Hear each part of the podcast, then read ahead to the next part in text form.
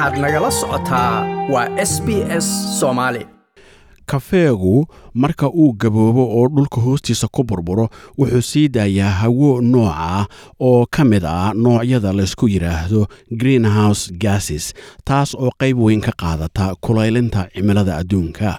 Laba qof oo ka soo jeeda waddanka vietnam oo deggan waddanka finland oo lagu sheego in uu yahay waddanka dadkiisu ugu kafeeca badan yihiin adduunka ayaa arrintan xal u helay. Warbixintan oo s b s news u soo diyaariyey alan lee ayaynu ku eegaynaa. Sidee baad u jeceshahay kafeegaaga? Latey flat white mr long black? Weedhahaasi waxa ay ka mid yihiin kuwa ku badan dhagaha dadka kafeega cabaa balse ka waran haddii lagu odhan lahaa warabat your feet? oo macnaheedu yahay cagahaagana ma u rabtaa kafee. Yeah, yeah, kaba jambal ah oo laga sameeyey kafee bal ka waran haa haa waa cajiib waannu ognahay. sug laakiin halkan found ah labadii sannadood ee ugu dambeeyey waxaannu We raadinaynay wax ugu wanaagsan oo laga samayn karo jambalka ugu wacan. Tijaabooyinka iyo carbin iyo carbin badan kadibna waannu helay. Waynu jecelnahay kafeega laakiin waxaynu ognahay inuu lacag ku kaco kaasi wuxuu ahaa xayeysiis muuqaal ah oo maalgelin loogu raadinayay shirkad kabaha samaysa oo la yidhaahdo rens oo ku taalla magaalada helsinki.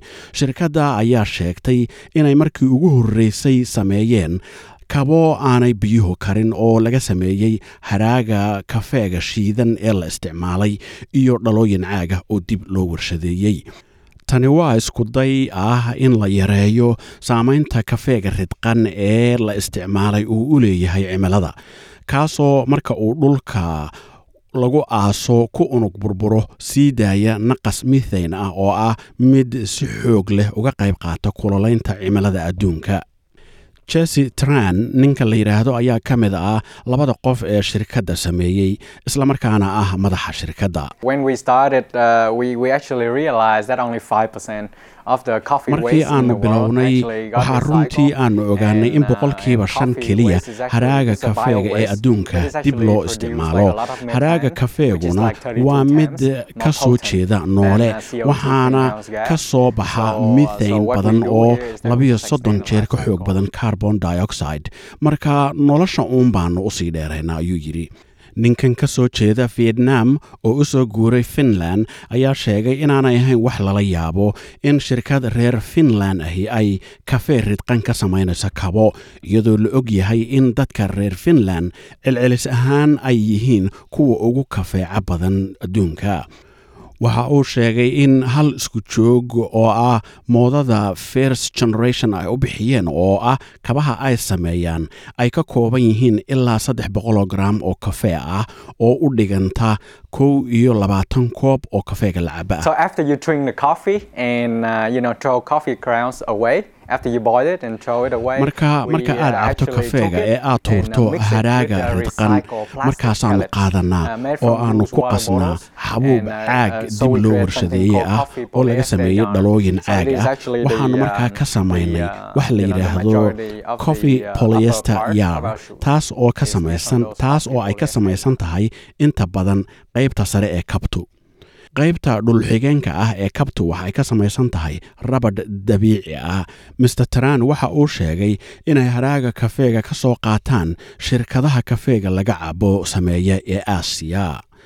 Kabaha qudhooda waxaanu ku samaynaa warshad ku taalla waddanka vietnam ayuu yidhi oo iyaga qudhoodu ka mid ah waddamada ugu soo saarka badan kafeega markii uu fekerkani nagu dhashay kii ayaanu kadibna bishii julaay ee kii aanu samaynay olole maalgelin oo aanu ku samaynay website maalgelinta dadweynaha lagu codsado oo la yidhaahdo kickstarter ololahaasina muddo afar iyo labaatan saacadood ah ayuu ku gaadhay yoolkiisii iyada oo ay ka soo baxday in ka badan nus milyan dollar oo ay maalgashadeen in ka badan shan kun oo qof.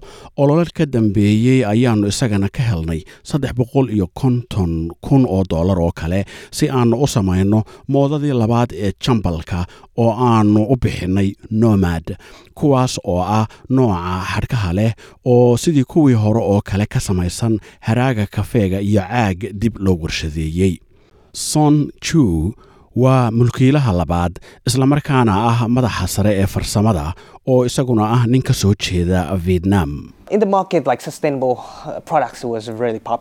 Um, xagga as suuqgeynta alaabta laga sameeyo waxyaalaha waara ayaa ahaa kuwo la jecel yahay.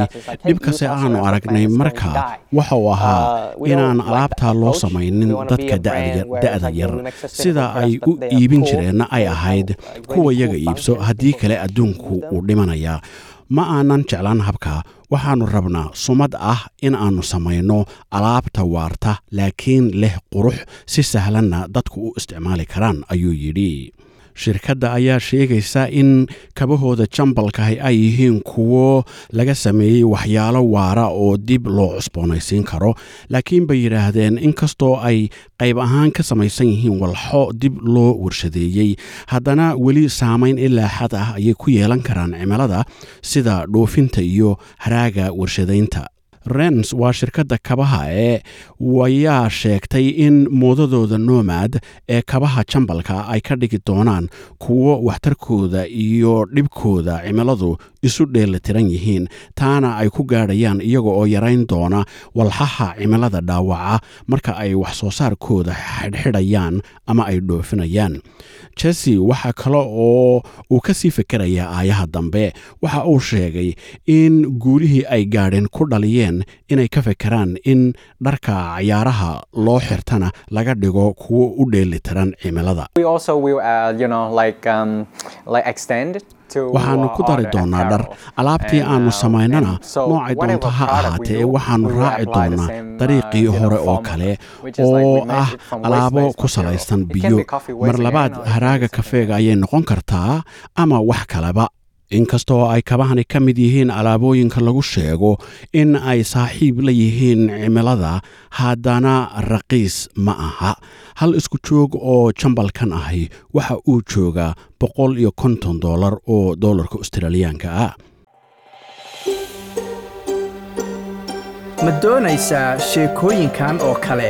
Ka dhegayso apple podcast google podcast spotify ama meel kasta oo aad podcastigaaga ka hesho